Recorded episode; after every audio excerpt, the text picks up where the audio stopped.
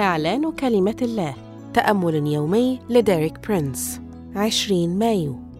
عيننا للمجد. هذا الأسبوع يشرح لنا ديريك برينس أن يسوع حمل عارنا لكي نشترك في مجده. واليوم يوضح لنا أن يسوع دعانا وبررنا وعيننا للمجد.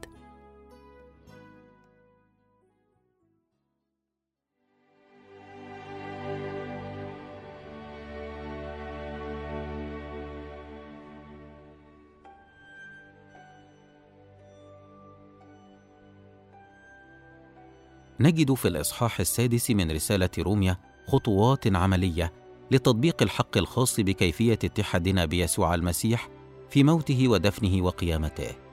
وتظهر أهمية هذا الحق في أنه عندما نؤمن به ونطبقه سنجد أنه يفعل الخلاص في حياتنا بقوة. تخبرنا رسالة روميا 6 العدد من واحد إلى عشرة بهذه الحقائق الرائعة فتقول: فماذا نقول؟ أنبقى في الخطية لكي تكثر النعمة؟ حاشا نحن الذين متنا عن الخطية كيف نعيش بعد فيها؟ أم تجهلون أننا كل من اعتمد ليسوع المسيح اعتمدنا لموته فدفنا معه بالمعمودية للموت حتى كما أقيم المسيح من الأموات بمجد الآب هكذا نسلك نحن أيضا في جدة الحياة لأنه إن كنا قد صرنا متحدين معه بشبه موته نصير أيضا بقيامته.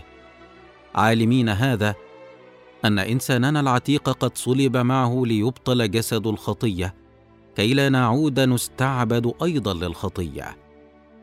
لأن الذي مات قد تبرأ من الخطية. فإن كنا قد متنا مع المسيح نؤمن أننا سنحيا أيضا معه. عالمين أن المسيح بعدما أقيم من الأموات لا يموت أيضا.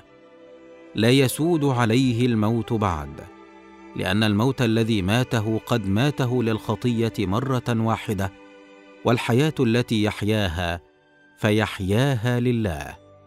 تعد نتائج اتحادنا مع يسوع المسيح نتائج رائعة والتي تظهر في الكلمات التالية لا نعود نستعبد أيضا للخطية لا يسود علينا الموت بعد.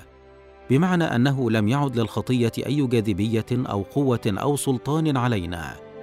وهكذا نحن نتحرر من الخطية ومن كل عواقبها الشريرة من خلال اتحادنا مع موت يسوع المسيح ودفنه وقيامته وصعوده. أشكرك يا يسوع من أجل عملك على الصليب. أعلن أن الخطية لن تسيطر علي لأن يسوع صار خطية بسبب خطيتنا لنصير نحن أبرارا ببره. آمين. للمزيد من الكتب والعظات لديريك برينس قم بزيارة موقعنا www.dpmarabic.com